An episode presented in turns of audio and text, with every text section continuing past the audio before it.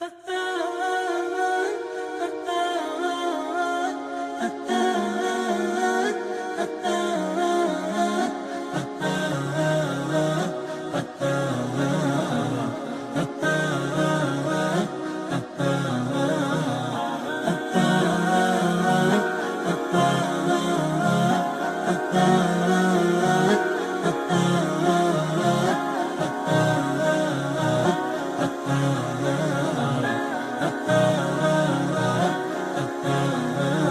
الرحمن الرحيم. الحمد لله رب العالمين.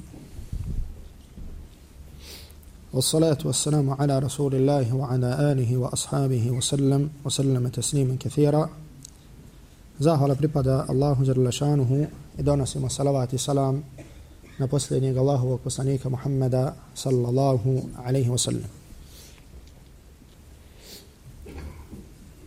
كاج أزيشني الله تبارك وتعالى يا أيها الذين آمنوا اتقوا الله حق تقاته ولا تموتن إلا وأنتم مسلمون وفي كوي بيروية bojite se Allaha istinskom bogobojaznošću i nemojte umirati osim kao pravi muslimani.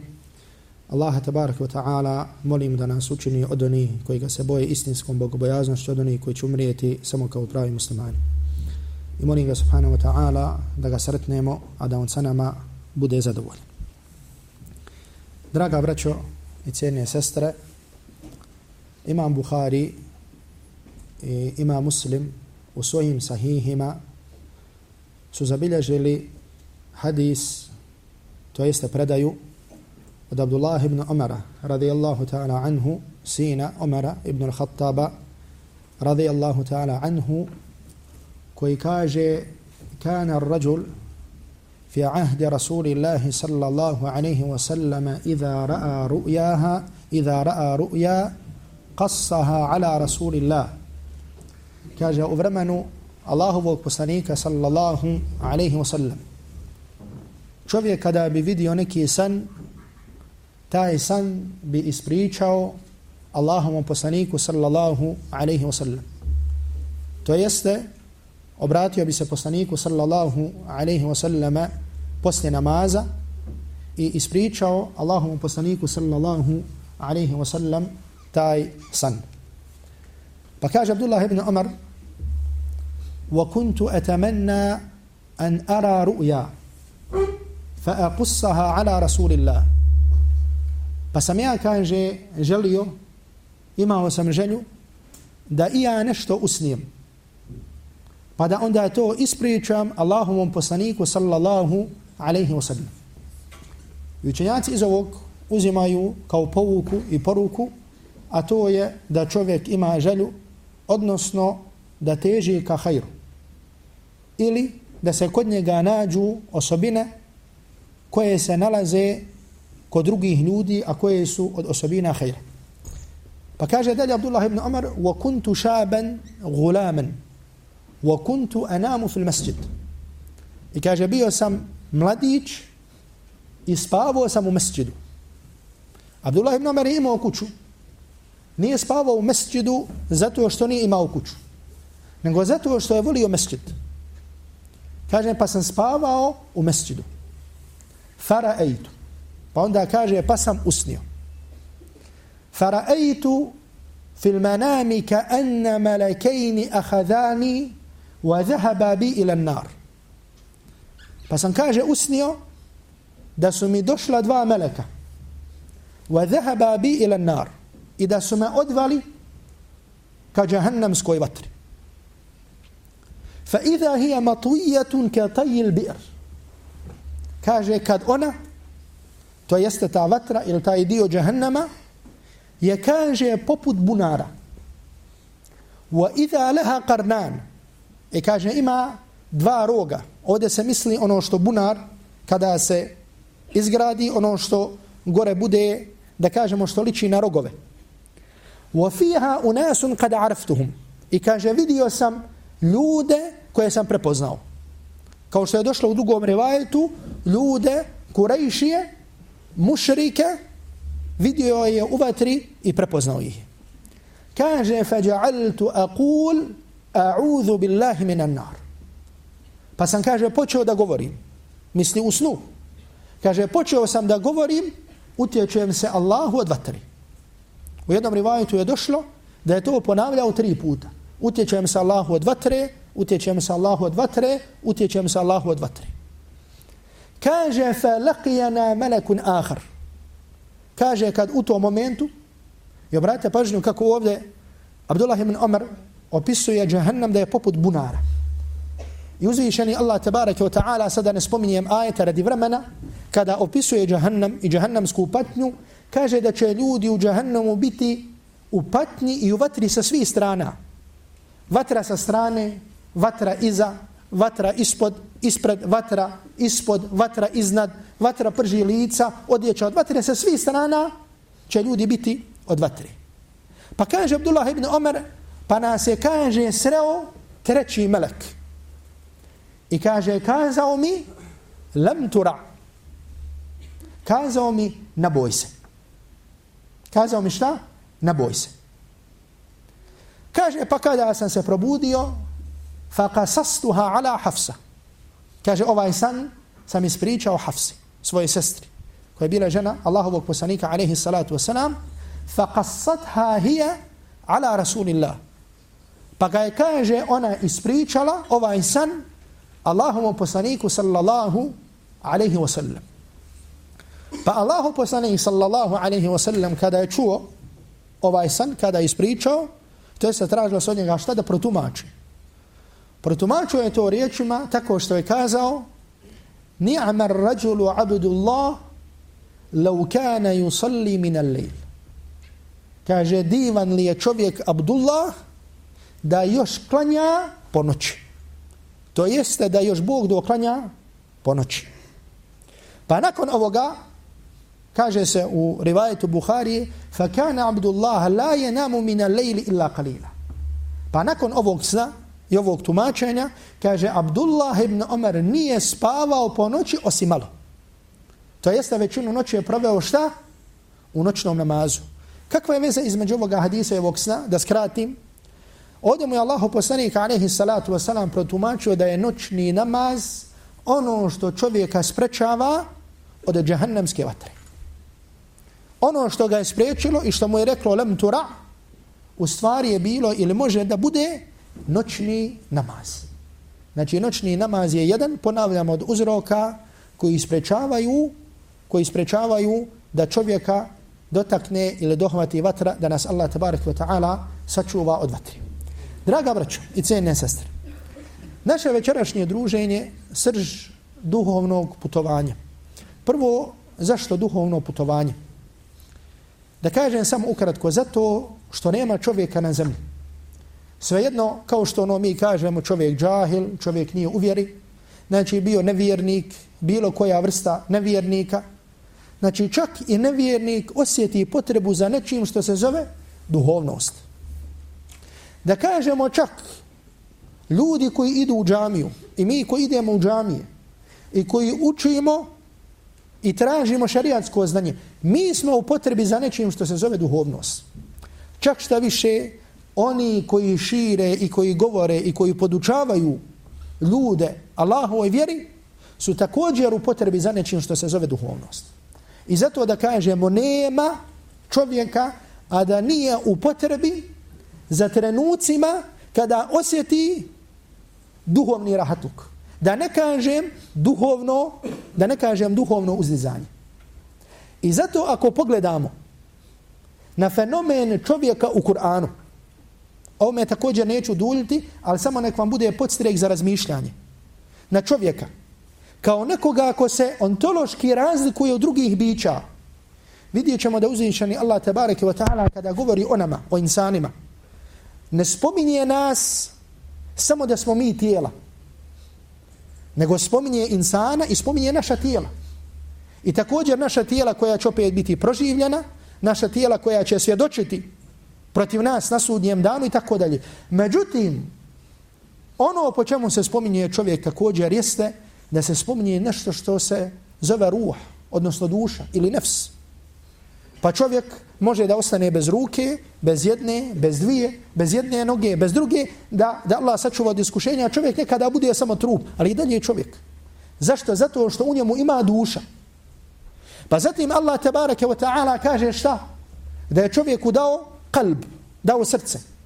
Pa mu dao razum. To su da kažemo sve komponente od koji se sastoji nešto što se zove insan. Čak šta više uzvišani Allah tabaraka wa ta'ala je uspjeh u ajetu koje i kako ili ajetima koje i kako dobro poznajemo. Uzvišeni Allah tabaraka wa ta'ala je uspjeh i sačuvanju džahennama kojeg smo spomenuli uvjetovo čišćenjem duše, a ne čišćenjem tijela. I zato kaže uzvišeni Allah tabaraka wa ta'ala u suri koju dobro znamo wa šemsu wa duhaha wa qamari idha talaha kaže na kraju wa nafsin wa ma sawaha i tako mi duše kaže kad aflaha man zakaha uspio je onaj koji je očisti. Wa kad khaba man dasaha a propao je onaj koji je uprlja. Koji očisti šta? Koji uprlja šta? Ono što se zove duša. I zato možemo postaviti pitanje šta je to čovjek? Je li osnova za čovjeka tijelo ili osnova za čovjeka da je duša? Ova kuranska sura a vi znate i možda sam to spominjao negdje ovdje na drugim mjestima Međutim, ima običaj to pojasna predavanjima, da uzvišeni Allah tabareke wa ta'ala se kune velikim stvarima. I Allah tabareke wa ta'ala se kune sa kim i sa čim, got, sa čim on hoće. Radi važnosti i bitnosti ti stvari. Međutim, te zakletve dolaze radi, ne, radi nečega. Kao da kažeš čovjeku tako mi Allaha, ako to ono uradiš, bit će tako Zakletve na početku obično kuranskih sura dolazi radi neke velike stvari. Ovdje nije došla jedna zakletva. Ovdje je došlo toliko zakletvi kao što nije došlo niti na jednom drugom mjestu u Kur'anu. Nema mjesta u Kur'anu gdje dolazi toliko zakletvi jedna iza druge kao što dolazi u ovoj kuranskoj suri. وَشَمْسُ وَدُحَاهَا وَالْقَمَرِ ذَا تَلَاهَا وَالنَّهَارِ ذَا جَلَاهَا وَالْأَرْضِ و... Znači ajeti jedanest zakletvi. Radi čega? Da, da bi nam se dalo do znanja da će uspjeti samo onaj koji očisti šta? Koji očisti svoju dušu. I zato mislim da je ovo što smo spomenuli dovoljno da nas podstakne na razmišljanje o važnosti i bitnosti ove teme, odnosno ovoga o čemu ćemo govoriti. Allahov Rasul, sallallahu alaihi wa sallam, u hadisu za kojeg također mislim da poznajete, da poznajemo, kojeg je zabilježi imam Buhari muslim u svojim sahihima, od Nu'man ibn Bešira, kaže da u čovjekovom, organ, u čovjekovom tijelu ima organ, kaže koji ako je dobar saluhal džesadu jasadu kulluhu. Svi drugi organi su dobri. Ako taj organ nije dobar ništa drugo u čovjekovom tijelu nije dobro. I onda kaže Allahu poslanika alejhi salatu wasalam, ala wahil qalb. Kaže to je srce. I zato glavni glavna prepreka čovjekove spoznaje je bolesno srce. Glavna prepreka da čovjek spozna Allaha tabaraka wa ta'ala istinski je bolesno srce. Međutim, ono što želim da vam ovdje posebno spomenem i navedem jeste hadis kojeg je zabilio imam Ahmed u svom musnadu od Miqdad ibn al-Aswada radijallahu ta'ala anhu da Allahu poslanik sallallahu alaihi wasallam govoreći o srcu kaže la kalbu ibn Adam kaže srce sina Adamovog ašeddun kilaban kaže više se okreće min al qidri idha ijtama'at ghalyan kaže od vode koja vrije znači voda koja vrije na primjer ovdje ima sad bocu na primjer voda kada stoji ona je u stanju mirovanja ali kada vrije znači šta se dešava? Voda ključa znači mijenja svoje stanje i te kako ga mijenja znači vidimo šta kada kafu kuhamo znači ko kuha sebi kafu ili mu žena kuha kafu ali ne, sad nećemo tome Znači vidi kako, i zato od koristi da, da muškarac između ostalog napravi kafu, jeste da se podsjeti na ovaj hadis. Ne se. Znači, čovjekovo to srce, koji je toliko bitan faktor, Allahu poslanika alaihi salatu wasalam kaže da se ono više okreće i da je više podležno promjenama od vode koja šta? Od vode koja ključa. I zato vidite zašto je Allahov miljenik sallallahu alaihi wa sallam, zašto je upućivao dovu, zašto je čak došlo u nekim predajama da je to bila dova koju je najviše Allahov Rasul sallallahu alaihi wa sallam upućivao o ti koji okrećeš srca, okreni, odnosno učvrsti, učvrsti moje srce na tvojoj vjeri. Zato što se to srce toliko mijenja. I zato je došlo također u hadisu, kao što je zabilježe muslim i drugi, da Allah poslanik alaihi salatu wasalam kaže šta? Čovjek će osvanuti kao vjernik, omrtnut kao nevjernik. Radi tog mijenjanja stanja, odnosno radi mijenjanja srca i tih stanja kroz koja prolazi, kroz koja prolazi čovjek. Upravo radi toga od, suš, od suštinskog značaja jeste, draga braćo i cene sestre, da govorimo o toj duhovnosti. Ili da govorimo o tim stepenima, da kažem bolje stepenicama, kroz koja, preko kojih čovjek dolazi do vrhunca te duhovnosti, odnosno do Allahovog tebareke wa ta'ala zadovoljstva. I zato, sam ka, zato smo kazali da kažem naslovio sam srž. Zašto srž? Zašto srž duhovnog uzdizanja? Zato što opet s druge strane imamo da danas većina ljudi govori o nekoj duhovnosti. Pa razne indijske religije, vjere, pravci, čak oni koji se pripisuju islami govore, govore o čemu duhovnosti. Čak sihr bazi i sihr koji je najveći grijeh, od najvećih grijeha koji je došao, znači sihr baz dolazi do sihra preko neke duhovnosti.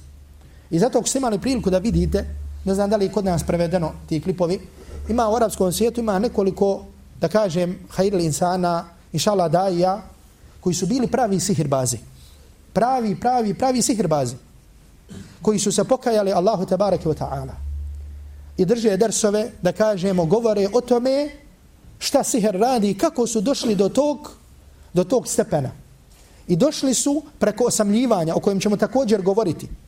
Znači gdje se osamljuje, pa gdje mu dolaze duhovna bića i tako dalje. Međutim, ono što je odlika islamske duhovnosti jeste da se ona temelji na čistom tevhidu i o tome ću kazati nešto više, nešto više kasnije.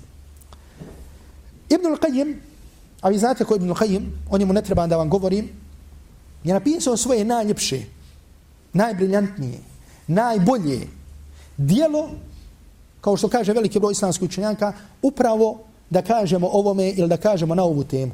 A to je dijelo Medarđu Salikin. Stepeni duhovnog uzdizanja.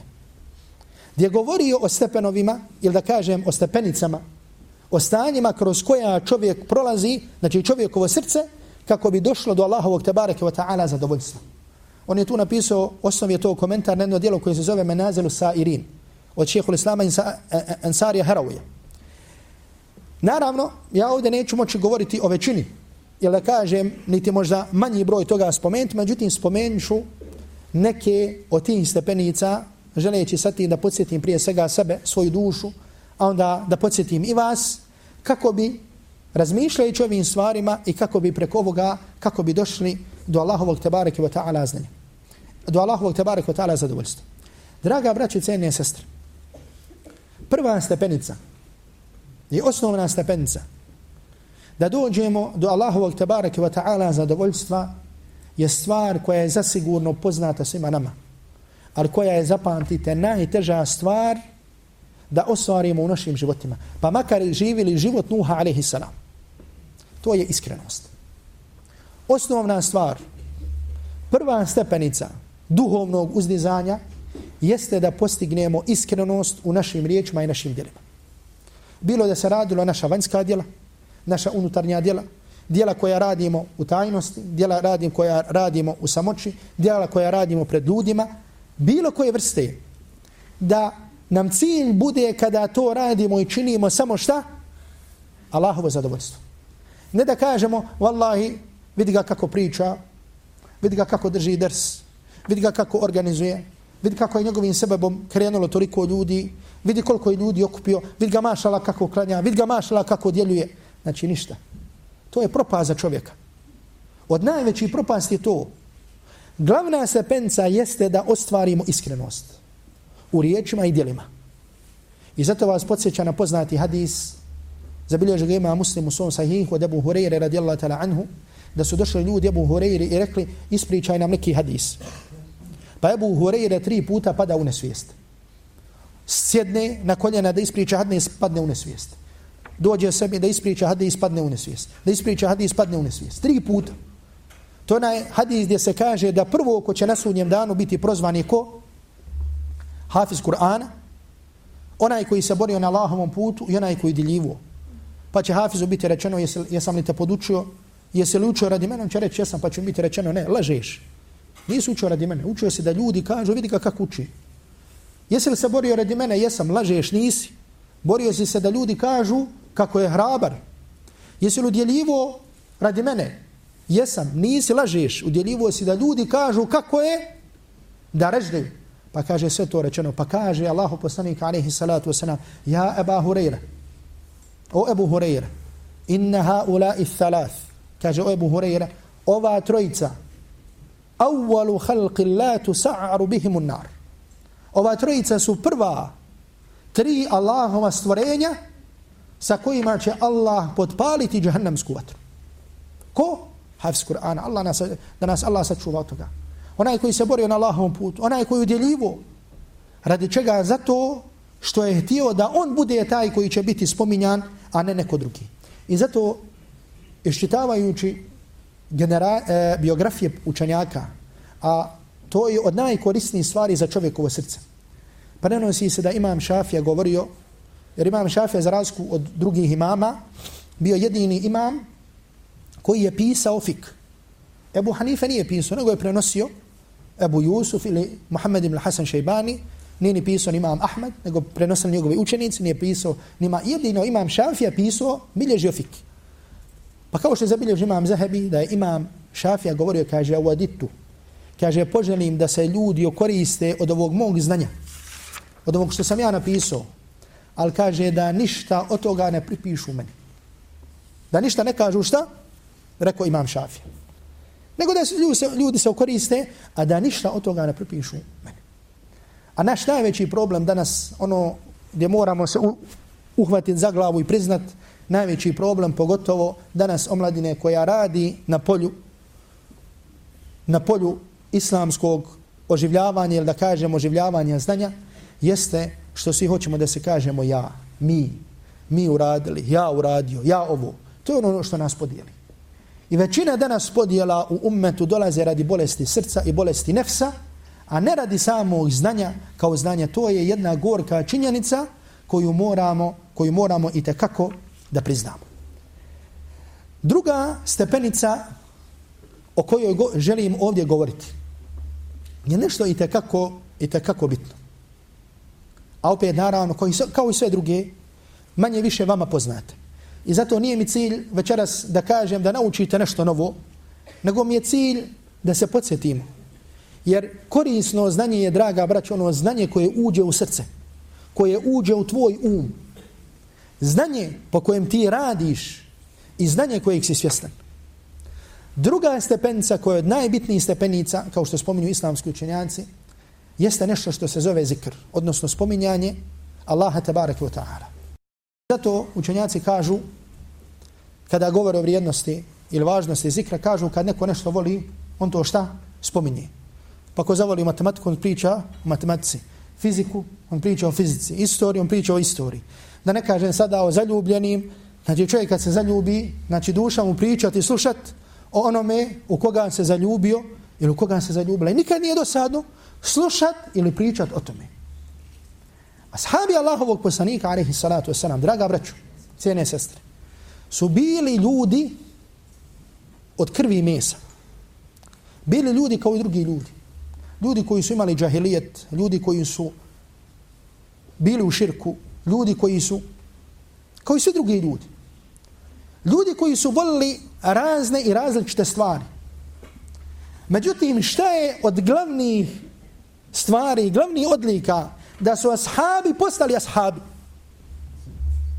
Zašto i Kur'an na toliko mjesta u Kur'anu hvali?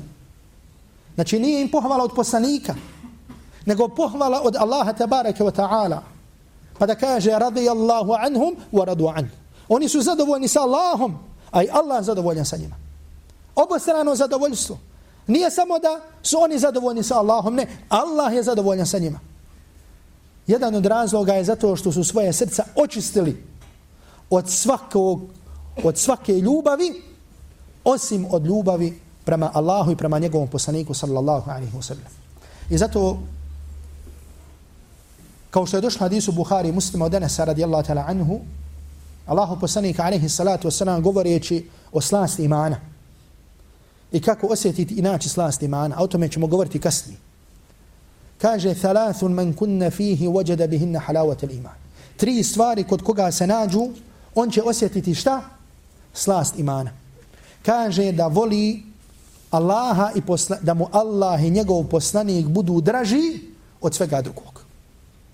I zato su učenjaci govorili i pisali zasebna djela gdje su govorili o koristima, fajdama, fevaidima zikra.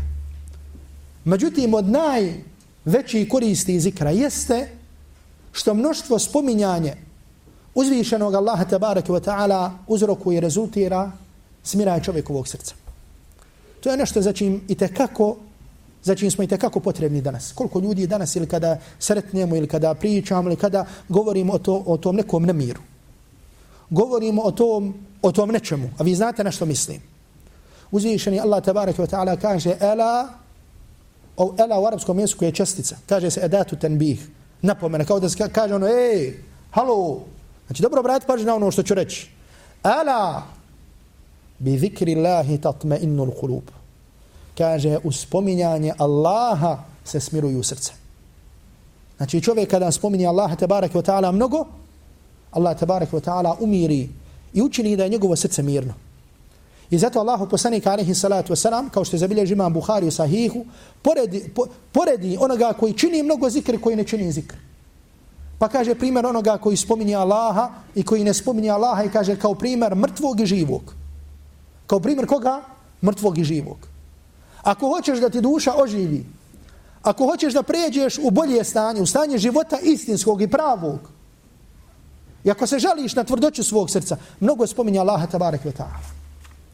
Mnogo spominje Allaha tabarek ve ta'ala i uči se i navikavaj se i bori se da što više, da se naučiš sebe, da odgojiš sebe, da mnogo spominješ Allaha tabarek ve ta'ala. Jer kao što sam kazao, a ovdje nemam vremena, znači koliko je samo koristi zikra. Ja ću ovdje spomenuti samo jedan hadis. Dozvolite mi.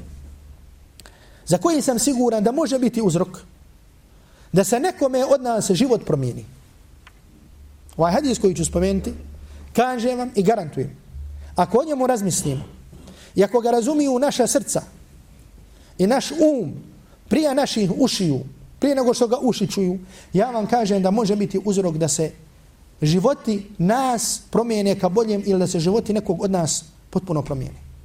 Allahu poslanik alejhi salatu vesselam govoreći o vrijednosti zikra, kao što je zabilježio opet Buhari muslim od Abu Hurajre radijallahu ta'ala anhu, kaže Allahu poslanik sallallahu alejhi ve sellem kaže ko u jednom danu, to jeste ujutru, ko kaže la ilaha illa Allah wahdahu la sharika la, lahu l-mulku wa lahu hamdu wa huwa ala kulli shay'in qadir ko prouči ovaj zikr u jednom danu, to jeste ujutru stotinu puta. Ko prouči ovaj zikr šta? Stotinu puta. Vjerujte mi, kada bi ga baš ono polako učio, ne bi ti trebalo više od 15 minuta. Allahu poslanik alejhi salatu vesselam kaže kanat lahu adla ašara riqab. Kaže imat će nagradu kao da je oslobodio deset robova. Šta deset robova? Zamislite, znači prija, kad su ljudi imali robove, znači kad je to bila njihova svakodnevnica. I znate šta je bilo da čovjek dadne jednog roba? Isto kao od prilike da dadneš auto ka sadaku. Ko prvo čuva zikr, kao da je on slobodio deset robova, toliko ima nagradu. Wa kutibat lahu حَسَنَ hasana. I bit će mu upisano stotinu dobrih dijela. Sabahile, stotinu dobrih dijela. Wa عَنْهُ anhu سَيَّ. I bit će mu izbrisano stotinu loših dijela. I kaže četvrta stvar, وَكَانَتْ لَهُ حَرْزًا مِنَ الشَّيْطَانِ يَوْمَهُ ذَلِكِ I kaže taj dan, to će mu biti zaštita od šeitana. Znači koliko dođe ljudi žali se, kaže imam, pro, imam potrebu da mi se prouči ruke, imam problem sa urokom, imam problem sa sihrom, imam problem više, ne znate sa čim.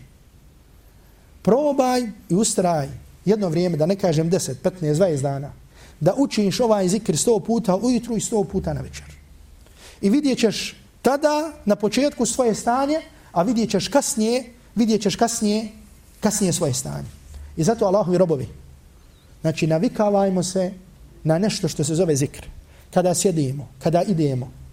Znači čak šta više, muhajem što kažemo, da sjednemo, da se osamimo, da spominjemo Allaha tabaraka wa ta'ala. I zato sljedeća stepenica koju su spominjali islamski učenjaci, znači, ovo sam, jeli, da kažem, poglavlja rezimiro, o njemu posebno govori Ibn Qajim. želim stvarno da obratimo pažnju uh, na ovo što ću sada spomenuti. Znači, stepenca koja se zove osamljivanje, halvet, ili neki nazivaju uzle, znači izbjegavanje ljudi. Naravno, učenjaci su ovdje govorili, znači ne potpuno osamljivanje ili otuđivanje ili odlazak od ljudi, ne. Niti da kažemo uh, osamljivanje koje je uzrokovano, znači uzro, e, osamljivanje koje je popraćeno neznanjem. Zato što je uzrok, e, uzrok velikog broja zabluda, to pretjerano osamljivanje, osamljivanje ljudi koji nemaju znanja kojima onda dolaze šeitani ili dolaze misli, pa onda izađe še iz nekakve osame i kaže haddathani qalbi an rabbi. Kaže, pričalo mi je moje srce od njegovog gospodara i onda počne da izvaljiva stvari i tako dalje i tako dalje. Znači, to je baška stvar. Ne. Nego ovdje kaže, znači, čovjek koji je na ispravnom vjerovanju, da ima momente u svom danu kada se osamljiva. Zašto ovo kažem? Ovo kažem iz razloga zato što za sreću nije potrebno mnogo i sreća nije daleko. Da osjetiš odmor, ne trebaš ići ni one nekakve Maldive, Maldive, kako se zove, plaćati, da odeš ti tamo nešto tamo zamani, ti ćeš, biti, ti ćeš se odmrti. Znači, hem platiš, hem ovo, znači, niđe veze. Znači, sreća je tako obli, sreća je ovdje u prsima. Znači, nije sreća na geografskom položaju, niti je geografski vezana. Sreća je kada ti Allah tabarake wa ta'ala dadne da si sretan. I za sreću je potrebno malo, nije potrebno mnogo. A to je potreban ti ibadet. Poveća ibadet, eto ti sreće. Znači isto dadneš sebi inekciju, znači ibadet je inekcija, doza za čovjekovu sreću, za čovjekov rahatluk i tako dalje. Druga stvar jeste zato što smo mi, mi, mi smo sada postali robovi tehnologije, odnosno da kažem preciznije ovi društveni mreža. Znači, postali smo robovi društveni. Lakše je možda bilo prije biti nečiji rob, nego sada rob društvene mreže. Prije spavanja šta? Facebook. Otvoriš oči, Facebook. Poslije sabaha, umjesto zikra, Facebook. Onda, fe, znači, ili ova mreža, ili šta je ovaj rek. Znači, ljudi, robovi toga. Kako čovjek da se oslobodi toga? Kako čovjek da dođe, da kažem drugačije, do tog mira, ako će biti rob takve stvari. I zato ću ovdje samo spomenuti da Ibn Qayyim u svom ovom dijelu koje sam spomenuo, Medariđu Salikin spomenuo u jednom poglavlju deset stvari koje su uzrok Allahove ljubavi. Deset stvari ako činiš, kaže to je uzrok Allahove ljubavi, da te Allah voli. Pa mislim osma stvar koju je spomenuo jeste da kaže al-halwatu bihi. Kaže osamljivanje sa njim. Osamljivanje sa kim? Osamljivanje sa Allahom. To jeste moment kada ćeš se osamiti radi ibadeta. Kaže, i ovdje Ibn Kajmi kaže, al-halvatu bihi waqtan nuzulil ilahi u vremenu kada se Allah spušta. Misli su u zadnjoj trećini. Kaže li munajatihi wa tilawati kalam. Kaže li munajati kaže da ga dozivaš. I da kaže pred njim stojiš sa edebom ubudijeta obožavanja. I da dozivaš koga? Uzišenog Allaha tebareke ve taala da mu kaže svoje potrebe da pokucaš na vrata Allahove tebareke ve taala milosti jer ta vrata sve što na njih više kucaš Allah tebareke ve taala te više voli Ibn al-Qayyim spominje i kaže da je to uzrok Allahove tabareke wa ta'ala ljubavi. I ova stvar se prenosi od Selefa. I tako se prenosi od imama Ahmeda koji je bio i učenjak, i zahid, i abid. Kaže da je govorio, kaže želim eštehi. Ono u smislu strast mi Kaže želi mjesto gdje nikoga nema. Zašto? Da se posvetim sebi ibadetu.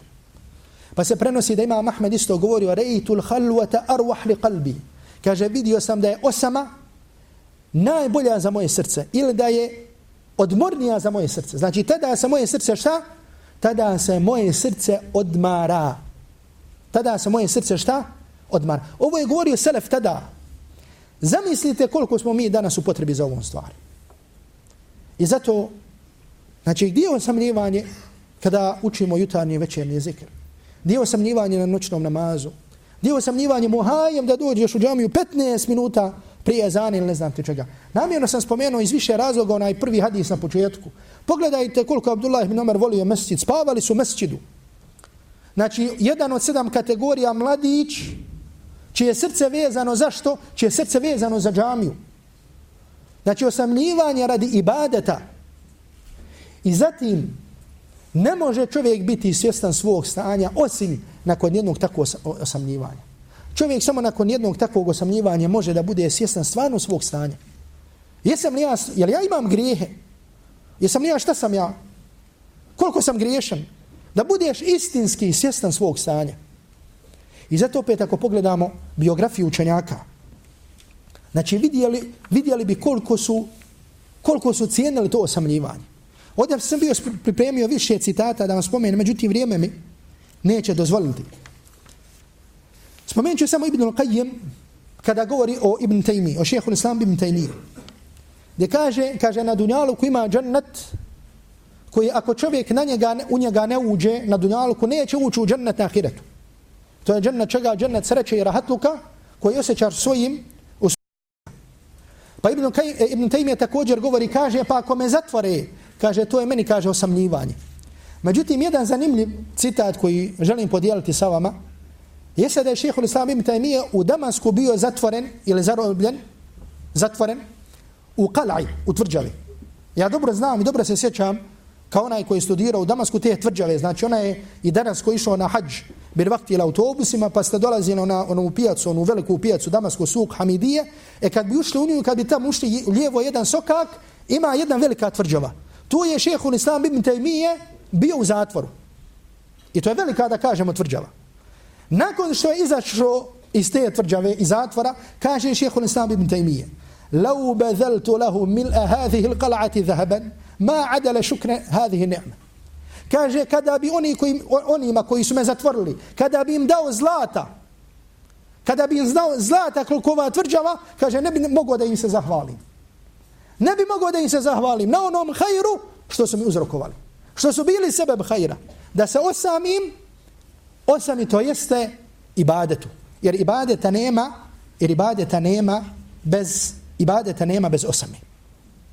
Također, od najbitnijih stepenica duhovnog putovanja Allahovi robovi jeste zahvalnost na Allahovim blagodatima.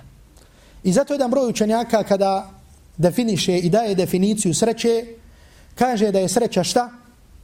Da budeš zahvalan Allahu na blagodatima, da budeš strpljiv na nedaćama i da činiš taubu i stikfar posle grijeha. Ovdje samo da kažem, kada je u pitanju zahvalnost, prvo, ono standardno pitanje, jesmo li mi zahvalni Allahu? U stvari, jesmo li svjesni Allahovi blagodati prema nama? Što nam je Allah Đalešanu podario?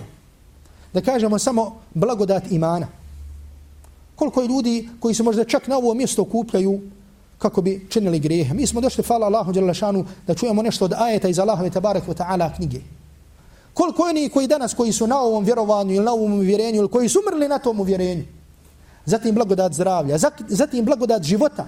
Ali ovdje kažem blagodat života kao prilike da popravimo svoj život, da se pokajemo, da se vratimo uzvišenom Allahu tabaraka wa ta'ala. I zato stepen zahvalnosti, odnosno zahvalnost Allahu tabaraka wa ta'ala na već onome što nam je podario, Koliko god da smo iskušani i od najvećih stepena obožavanja. I zato vidite, Allahu poslanik sallallahu alaihi wa sallam nije samo bivo u tom velikom ibadetu tražeći nešto da Allaha. Jer većinom kod nas noćni namaz istihara dolazi kad?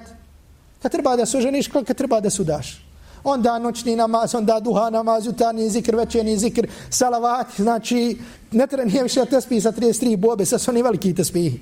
Znači zašto? Treba ti nešto. Aisha radijallahu ta'la anha kaže, zabilježi imam Bukhari muslimu sahihu, kaže Allahu poslanik alejhi salatu vesselam je klanjao toliko dok su, da su mu noge oticale. Pa Allahu poslanik, pa mu je rekla Aisha radijallahu ta'ala anha, Allahu poslaniće, Allahu poslaniće, kaže klanjaš toliko, noge ti otiču, oprošteno ti što je bilo i što će biti. Pa kaže Allahu Resul sallallahu alaihi wasallam, kaže afala akunu abdan shakura pa zar da ne budem zahvalan Allahov rob zar da ne budem zahvalan Allahov rob nije pitanje je li mi oprošteno hoće li mi biti oprošteno treba li mi pitanje zahvalnosti prema mom gospodaru subhanahu wa ta'ala znači to je najveća stepenca ili stepen do kojeg čovjekovo, čovjekovo srce dođe. A zatim, kada budeš svjestan blagodati, bit ćeš najbogatiji čovjek na, na dunjalku. I zato Allahu poslanik alaihi salatu wasalam zabilježi imam termizi od Ebu Hureyre, jedne prilike se obratio, Hure, obratio se ashabima i kaže, ko će od mene uzeti ove riječi? To je ovo što ću kazat. Pa kaže Ebu, Ebu Hureyre, ja Allahu poslaniče. Kaže, ko će od mene ovo uzeti pa da radi po njima ili da druge poduči da po tome radi? Pa kaže Ebu Hureyre, kaže, ittaqil maharim, takun a'bedan nas. Kaže, kloni se grijeha, bit ćeš najveći pobožnjak. Draga braći i cijene sestre, najveća bogobojaznost je da ostaviš harame. Ne kao što danas imamo, da kažem, fenomen ili trend, znači davanja sadake, da, dajem ovo, da, a ustrajava, ustrajavaš na haramima. Ne može osjetiti slast i badet onaj koji ustrajava na haramima. Osnova je da se kloni harama. Kaže, ostavi grijehe. Baš kao koliko ćeš činiti na filu. Takun a'bedan nas. Bićeš najpobožniji čovjek. Bićeš najveći pobožnjak. I kaže Allahu poslanik alaihi salatu wasalam, kaže warda bima qasama Allahu lek kaže budi zadovoljan s onim što ti Allah dadne takun agnen nas. Bićeš najbogatiji čovjek. Bude zadovoljan sa čim? Sa onim što ti Allah tebareke wa taala dadne bićeš šta? Najbogatiji čovjek. Allah ovo je kome će dati kome će oduzeti kome će dati ovoliko kome će dati ovoliko. Međutim priroda je čovjeka da čovjek koliko god da traži koliko god da ima poželjeće da još ima. I zato je došlo u sahihu da Allahu Resul sallallahu alaihi wa sallam kazao, kaže, kada bi sin Adamov imao dvije doline, dvije doline kad bi imao bogatstva zlata, kaže, labtaga thalithan, poželio bi, poželio bi treću dolinu. Sljedeća stvar, jedna od najbitnijih, koju želim da ovdje opet istinski podijelim sa vama da prije svega posavjetujem sebe, onda vas. Pogotovo, jer, jeli, omladina smo. Dokada su, dokada je šabab ili dokada je neki kažu do 50. neki do 60. Znači čovjek što je više ugodne mijenja sa mišljenje. Znači moj do 40. je sigurno. Dobro. Sabur je nešto bez čega nema nikakvog uspjeha. I vi znate koliko u Kur'anu ajeta govori o saburu. Ja spomenuti ovdje samo jednu kur'ansku suru. Zadnji imam Šafija kaže, kada bi ljudi razumili samo ovu kur'ansku suru, kaže, ale wasi'atum. Kada bi razmislili samo ovoj kur'anskoj suri, kaže, bilo bi im dovoljno. To je sura wal asr. Šta uzvišeni Allah tabaraka wa ta'ala u ovoj kur'anskoj suri kaže? U ovoj kur'anskoj suri uzvišeni Allah tabaraka wa ta'ala kaže, wal asri innal insana lafi khusr tako mi vremena, čovjek je zaista na gubitku. Znači, osnova je za čovjeka šta? Da je na gubitku. Kaže, osim onih, to jeste osim onih kod koji se nađu šta? Sledeće osobine. Koje su to osobine? Znate, osim onih koji vjeruju, koji čine dobra djela, koji ni drugima preporučuju dobro, koji ni drugima preporučuju šta strpljenje. Pogledajte kako je strpljenje stavljeno na zadnjoj strani. Na zadnjoj, kao zadnja stvar. Zašto kao zadnja stvar? Zato što ni jedne prethodne stvari nema bez sabura. Kažeš, vjeruješ. Hoćeš da vjeruješ. Eto ti iskušenja. Počneš da činiš dobra djela. Eto ti iskušenja. Počinješ da pozivaš ljude. I te kako eto ti iskušenja. Ni jedne stvari, učenjaci kažu, i ovdje ostvarenja niti jedne duhovne stepenice nema osim sa saborom. I zato ako pogledamo isto tako da kažemo u dunjalučkim stvarima, ne može uspjeti osim onaj koji šta? Koji je uporan ko trpi razne nedaće na tom, na tom putu. I zato Alija radijallahu ta'ala anhu ima jednu lijepu izreku. Nadam se da ćete nadam se da ćete zapamtiti. Jer Alija radijallahu ta'ala anhu je od najučenija ashaba Allahovog poslanika alaihi salatu wasalam. Kaže Alija radijallahu ta'ala anhu kaže uzmite od mene ili naučite od mene pet stvari. Kaže kada biste zajahali deve da tražite ovi pet stvari, kaže, one bi se umorile prije nego što, bi, prije nego što biste to našli. Želeći da ukaže na mudrosti i na veličinu ovih stvari. Kaže i da znaš, prvo je spomenuo, kaže da čovjek se ne nada osim od svog gospodara, da se ne boji osim svog grijeha, da neznalica se ne stidi da pita da, kada ne zna, i da se učena osoba kada bude upitana onome što ne zna da kaže Allah najbolje zna i kaže peta stvar kaže da znaš da je sabur u odnosu na iman kaže kao glava u odnosu na tijelo anna sabra anna sabra min al iman bi manzilati ar ra's min al jasad znači sabur je odnosu na iman kao šta kao glava u odnosu na tijelo nema glave nema čega nema života U drugoj predaji se kaže fa idha quti'at ar-ra'su fala jasad. A kaže kada se otkine glava onda nema šta? Onda nema, onda nema tijela. I zato ko nema stva, ko nema sabura da dosegne bilo koju stvar ne može da dođe do te stvari. Pogledajmo na primjer u svakodnevnom životu. Porodični problem. Zašto? Zato što ljudi nemaju sabora. Onaj ko misli da se stvari rješavaju na prvu, na odma, na ovo ja ću kazat, znači Nema tu uspjeha, niti u braku, niti u prijateljstvu, niti u ne znam ti čemu. Zatim ako pogledamo čak ili posebno, i to je ono što želim ovdje da naglasim, rad na polju pozivanja ka uzvišenom Allahu tabaraka wa ta'ala. Draga braćo, tada posebno dolaze iskušenja. Onaj ko radi na polju daveta, na polju pozivanja ljudi ka hajru. I nemojte misliti da će neko krenuti da će neko krenuti pozivanje, da poziva ljude ka hajru, a da će biti ostavljen. Da to nužno znači da će biti ugledan, da će biti... Znači ne. Što više pozivaš i što se više na hajru, bit ćeš više na iskušenju, ali to ne znači da ti tražiš iskušenje. Što bi ljudi rekli da ti tražiš belaj. I sad to pogledajte jedan događaj. A koji sa razlogom želim da spomenem. Međutim, nemojte slušati ovaj događaj samo kao što sam malo prije kazao, ušima, slušajte ga srcem. To je poznati događaj koji je vezan za našu majku. Majku pravovjernih. Aishu radijallahu ta'ala anha. Aisha radijallahu ta'ala anha, žena od žena Allahovog poslanika sallallahu alaihi wa sallam, i događaj kada je optužena za blud. Znači potvora na išu radijallahu ta'ala anha. Ovo je zabilježi ima Buhari, Muslim, duže predaje, veliki hadisi, koji govore o ovome.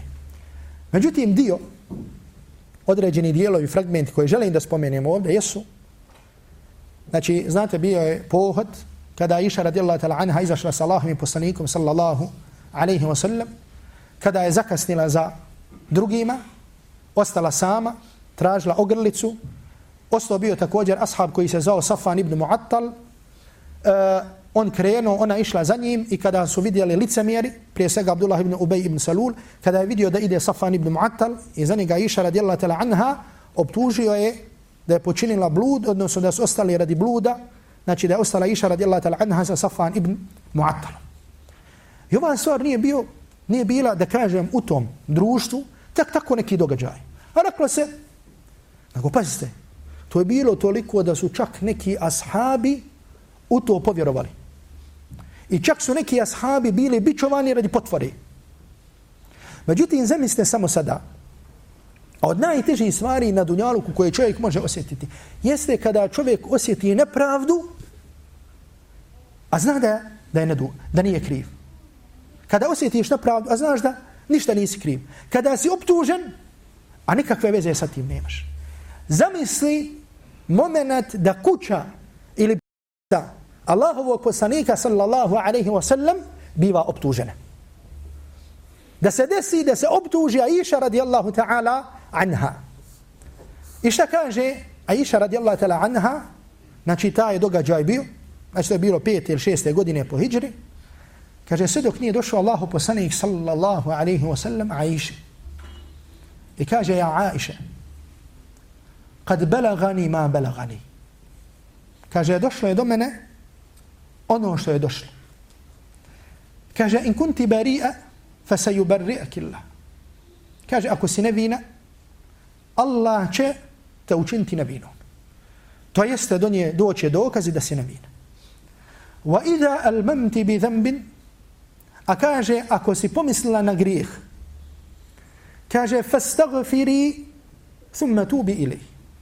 كاجي زتراجي اوبرس أدى الله بوكايس. فإن العبد إذا اعترف بذنب ثم تاب تاب الله عليه. Jer kaže čovjek كدا prizna grijeh i pokaje se, Allah tabaraka wa ta'ala će.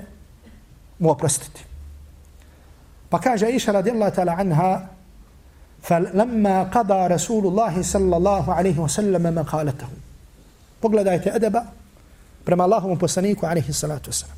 كاجا كدا إيشا رضي الله تعالى عنها كاجا إيشا كدا يبسنيك صلى الله عليه وسلم زورشي سوي قبور. كاجا قلص دمعي حتى ما أحس قطرة. كاجا نزمنا سبوتشي لدى إدو سوزة. أيا كاجا نأسي كامنتي يدنا سوزة دايدي Znači kada čovjek počne plakati, znači idu suze, ti ne osjetiš da idu suze. Pa sam kaže okrenula se prema svom ocu, Abu Bekru. I rekla sam mu, Ađiba anni Rasulallah. Odgovori umjesto mene Allahovom poslaniku. Odgovori umjesto mene Allahovom poslaniku. Pa kaže Abu Bekr radijallahu ta'ala anhu. Wallah ma adri ma ta'akuli Rasulallah. Kaže, tako mi Allah, ja ne znam što da kažem Allahovom poslaniku. Sallallahu alaihi wa sallam. Pa se okrenula svojoj majici, kaže, Eđibi hanni Rasul Allah. Odgovori ti umjesto mene Allahovom poslaniku. Pa kaže, ja ne znam šta za, za tebe i kako da za tebe odgovorim Allahovom poslaniku sallallahu alaihi wa sallam. Pa kaže Aisha radijallahu ta'ala anha, Wallahu ja'lamu anni barija. Kaže, ja znam da sam nevina. Ako vam kažem da sam nevina, a Allah zna da sam nevina, vi mi nećete vjerovati. Ako vam priznam, a Allah zna da sam nevina, onda ćete mi kaže povjerovati onda bi mi povjerovali. A kaže, ja i vama ne nalazim primjer, osim kao što je rekao otac Jusufov, to jeste Jakub, fa sabrun džemil. Kaže, pa lijepi sabor, to jeste lijepo saburaj. Wallahu musta'anu ala ma tasifun. I kaže onda Aisha radijallahu ta'ala anha, kaže, thumme tahavvaltu ala firaši, wa ana arđu an yubarri'ani Allah. A kaže, zatim sam se okrenula na svojoj posteli I kaže, nadajući se da će uzvišeni Allah tabaraka wa ta'ala me učiniti nabinom. Znači, pogledajte ovdje izgleda, nadajući se u Allaha. Znači, vjernik se nada samo u koga? U Allaha. Nadajući se da će me uzvišeni Allah tabaraka wa ta'ala učiniti nabinom. Kaže, walakin, wallahi ma dhanantu.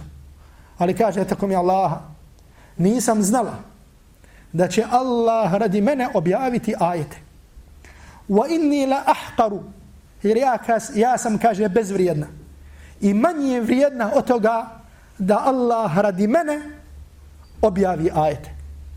Ali sam se kaže nadala da će Allahu poslanih sallallahu alaihi wa sallam usniti san iz kojeg će vidjeti da sam ja nevin. pa Allah tabaraka wa ta'ala objavio ajeta inna allazina ja'u bil ifki usbatu minkum oni koji su došli sa potvorom to je grupa od vas I čitava stranica Kur'ana, deset ajeta koji govore o nevinosti Aisha radijallahu ta'ala anha. Međutim, zamislite sada taj psihički da kaže moment. Aisha radijallahu ta'ala anha supruge Allahovog poslanika alaihi salatu wasalam. Najdraže da kažem supruge Allahovog poslanika alaihi salatu wasalam. I taj događaj koji je trajao mjesec dana dok nisu objavljeni ovih ajeti. Došli su ajeti koji su koji govore o Aishinoj radijallahu ta'ala anha nevinosti koji će se učiti sve do sudnjeg dana. I zato koje god iskušenje dođe, bilo porodično, bilo društveno, bilo na polju našeg grada, ako saburamo kako treba, ako imamo ovaj stepen, poslije toga, draga braćo, samo dolazi hajr. Ne može poslije sabura da dođe osim hajr. Zadesilo ti iskušenje u porodici, iskušenje u metku, iskušenje u zdravlju, tako mi Allaha, tako mi Allaha, poslije toga samo može da dođe hajr. I da se smiješ sam sebi, kako si osjećao da kažem tegobu u momentu kada si, kada si bio iskušan zato što vidiš mnoštvo hajra koje, koje te je zadesilo. Da si tražio to sebi u određenim momentima za određena iskušenja, kažem, možda ne bi mogo, možda ne bi mogo to da postigneš. Ovdje želim samo da se osvrnem A moram, i dozvolite mi da se osvrnem. Danas se prevodi literatura onih koji govore i koji kažu da ovi ajeti koji govore o Iši radijallahu ta'ala anha da je onda dokaz sa fikske strane da Aisha radijallahu ta'ala anha nevina. Zašto? Zato što nisu došli sa četiri svjedoka. Jer Allah tabaraka wa ta'ala kaže laula ja'u alaihi bi arba'ati šuhada. Kaže zašto nisu došli sa četiri svjedoka? Jer kako se uspostavlja da je neko počinio blud, blud ili da on prizna ili da vide četiri svjedoka.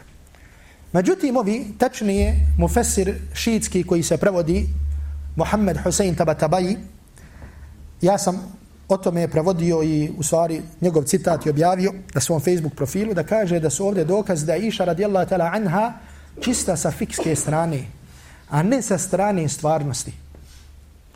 To jeste sa strane stvarnosti može biti što može biti. To su tumači Kur'ana koji se provode na naš, na naš jezik. Da ne kažem zato što odbijaju čak u osnovi šije na tumači da se ovaj, ovi ajeti sure Nur odnose na Išu, nego kaže ovo se odnosi na Mariju Koptkinju i da je potvorila u stvari Aisha kada je rodila poslaniku alaihi salatu wasalam sina Ibrahima da je ona optužila Mariju da to nije poslanikov sallallahu alaihi wasallam mesin. Ono što ću još spomenuti i što ću završiti i što je pomeni glavni, glavna stvar o kojoj želim, sa čim želim da završim, draga braću, cijene sestre. I što mislim da je najvažniji i najbitniji stepen, što je kruna duhovnog uzlizanja. Jeste stepen koji se zove ihsan. Dobročinstvo, ili da kažem kako ga je definisao Allahov Resul sallallahu alaihi wa sallam, da obožavaš Allaha kao da ga vidiš, jer ako ti njega ne vidiš, on tebe vidi. Braću, cijenje sestre, da obožavamo Allaha kao da ga vidimo, jer ako mi njega ne vidimo, on nas vidi. On nas vidi u svakom momentu. On nas vidi u svakom trenutku. Naš gospodar subhanahu wa ta'ala je taj koji mi kada padnemo na seđu ovako sičušni i kada kažemo subhana rabbi al-a'la, sve što je iznad nas, sve to Allah wa wa ta'ala vlast. Mi smo toliko sičušni. I ako budemo svjesni ovoga kada smo na seđdi, možemo osjetiti najveće momente radosti. Ti si na seđdi, a u stvari ti si gore. Kada govoriš subhana rabbi ala, neka je uzvišen, moj gospodar najuzvišeniji. Sve što je do Allaha tabareke wa ta'ala, sve to Allaha tabareke wa ta'ala vlast. Ne padne lisa drveta, a da Allah tabareke wa ta'ala to ne zna. Ja la musirra wa ahfa, on zna tajnu i zna šta tajnije, što je tajnije, zna ono što je u našim prsima. I zato nas Allahu miljenik sallallahu alaihi wa sallam u dugom hadisu, hadisu gdje se govori o islamu, o imanu, o ihsanu, gdje se govori o vjeri, kaže da obožavaš Allaha kao da ga vidiš, jer ako ti njega ne vidiš, on tebe vidi. I zato pitanje koje često sebi postavljamo, a nemojte da umremo, a da ne osjetimo to, postavljamo sebi pitanje, zašto nam je ibade težak? Zašto nam je lahko da smo na Facebooku na večer pola sata ili sat vremena, a aman zaman je da pola sata ili sat vremena budemo na noćnom namazu.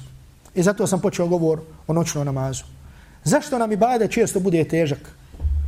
Zašto nam je zikr težak? Zašto nam je stikfar težak? Težak nam je zato što nismo svjesni zašto što nismo svjesni Allahovog tebareke wa ta'ala prisustva. Da nas Allah vidi ako mi njega ne vidimo. I zato Allahovi robovi kad klanjamo, ako hoćemo slavnost u namazu, klanjajmo i znajmo da nas Allah gleda. Klanjajmo, znajmo da nas Allah gleda. Kad učimo Kur'an, učimo ga, znajmo da nas Allah tabarak wa ta'ala gleda. Kad dajemo sadaku, dajemo je radi Allaha. Allah mi da daje sadaku, da ljudi kažu da je darežljiv, znači to je propast. Allah tabarak wa ta'ala u Kur'anu kada govori o sadaki. Znate, braću, kako kaže? Ovo je ljepota kuranskog izraza, iskaza, izraza. Ne kaže dajte, nego od stvari koji se kaže, Allah Đelešanu kaže yukrid, yukrid, yukrid. Ko će Allahu dati zajam, zajam, dug? Ko će pozajmiti Allahu, subhanallah? Kako ćeš pozajmiti Allahu? Allahu sve što je na nebesima, na zemlji, ti da pozajmiš Allahu. Zato što da se kaže da, kad kažeš nekome, dao sam ti. Očekuješ li da će ti taj neko vratiti? Neće, ti si dao. Međutim, kad kažem pozajmio sam ti ovo, taj neko će ti vratiti. A ako je darežljiv, ako je čovjek darežljiv, možda će te počastiti na tome. Allah tabaraka wa ta'ala upotrebljava ova izraz zato što onaj ko dadne radi Allaha, Allah Đerlešanu mu to vraća. I vraća ti više. I zato spitali jednog čovjeka bogato, kaže, kako si postao bogat? Kaže, takmičio sam se sa svojim gospodarom. Ovo sad pod navodnicima izraz. Kaže, kako? Kaže, ja dadnem, on meni vrati. Ja dadnem, on meni vrati. Ja dadnem, on meni vrati. Kaže, i on, on na kraju kaže, više meni dao nego što sam ja njemu dao. Znači, sadak. I zato Allah se smilo u mom šehehu, rahmetullahi alaihi, i svim našim šehehom, šeha Abdul Kadir Arnautu, kada, koliko se sjeća njegove riječi, kada je govori, onaj ko, ko kaže da je na putu salafa, on može biti škrt. Od glavnih osobina salafa je šta? Dražljivost. Od glavnih osobina salafa je dražljivost. Nemojte da budemo škrti. Ko će Allahu te... Učimo Kur'an i razmišljajmo. Učite, na primjer, suru, učite suru Hadid. Na koliko mjesta, i to govori se sa, svako malo, Allahu zajam, Allahu zajam, Allahu zajam, Allahu zajam. A kaže se na početku ajeta huval awwal wal akhir wal zahir wal batin. On je prvi, posljednji, vidljivi i nevidljivi. Međutim, ko će Allahu tebarek wa ta'ala da zna? Zato što će ti Allah tebarek wa ta'ala. Kad to radiš, čini samo radi uzvišenog Allaha tebarek wa ta'ala. I zato, draga, draga braću, cijene sestre, naučimo se da nam srca prema ljudima budu otvorena. Nemojte da budemo ljudi koji živimo na dunjaluku puni predrasuda. Ali je radijallahu ta'ala anhu, kada opisuje vjernike, kaže, wa amal lejl, kaže, kaže po noći, kaže, oni su na noćnom namazu, kaže, suze im teku niz obraze, kaže, govore, rabbena, rabbena, gospodaru, kaže, traže da se njihovi vratovi oslobode od vatre. Traže da se njihovi vrat, vratovi oslobode od čega od vatre. Zna li ko da je naš vrat oslobođen od vatre? Vjernici na noćnom namazu traže oslobađanje od vatre. Kaže, wa amman nahar, a kaže po danu. Ovo kaže jedan od najhrabri ashaba Allahovog poslanika. Kaže, wa amman nahar, a kaže po danu. Kaže, fa, oni su, kaže, fa ulama hulama. Oni su učenjaci. Traže znanje. Hulama, blagi. Barara, atqija. Bogobojazni, dobročinitelji. Pogledajte kako kaže hulama. Nemojte da nas fata neka furka da musliman mora biti opasan, da mora biti opasan, da mora biti ovaki, da glumimo da smo namjesnici, da glumimo da smo kadije. Znači ne. Tražimo po noći da Allah tabarak wa ta'ala oslobodi naša, oslobodi naše vratove od džahannamske vatre. Jer ponos je i snaga je i ugled je na sudnjem danu. Koga Allah tabarak wa ta'ala učini ponosnim. A poniženje je i jed je i bjedan je onaj koga Allah tabaraka wa ta'ala ponizi na sudnjem danu. I zato molim ga subhanahu wa ta'ala njegovim uzvišenim imenima i lijepim svojstvima da nas počasti na ahiretu. A da nas sačuva od poniženja i na dunjaluku i na ahiretu. I molim ga subhanahu wa ta'ala da ga sretnem, a da on sa nama bude zadovoljan. I molim ga subhanahu wa ta'ala da ovo što smo spomenuli od ovih stepenica, kao što kazah, da budu stepenice koje će nas odvesti ili dovesti do Allahovog tabareke wa ta'ala do Allahovog tabareke wa ta'ala zadovoljstva. I sjetite se kako se ono srce brzo okreće i sjetite se da je srce to koje je kralj u našem tijelu. Jer ako je ono dobro, sve je drugo dobro. Ako ono nije dobro, ništa drugo nije dobro.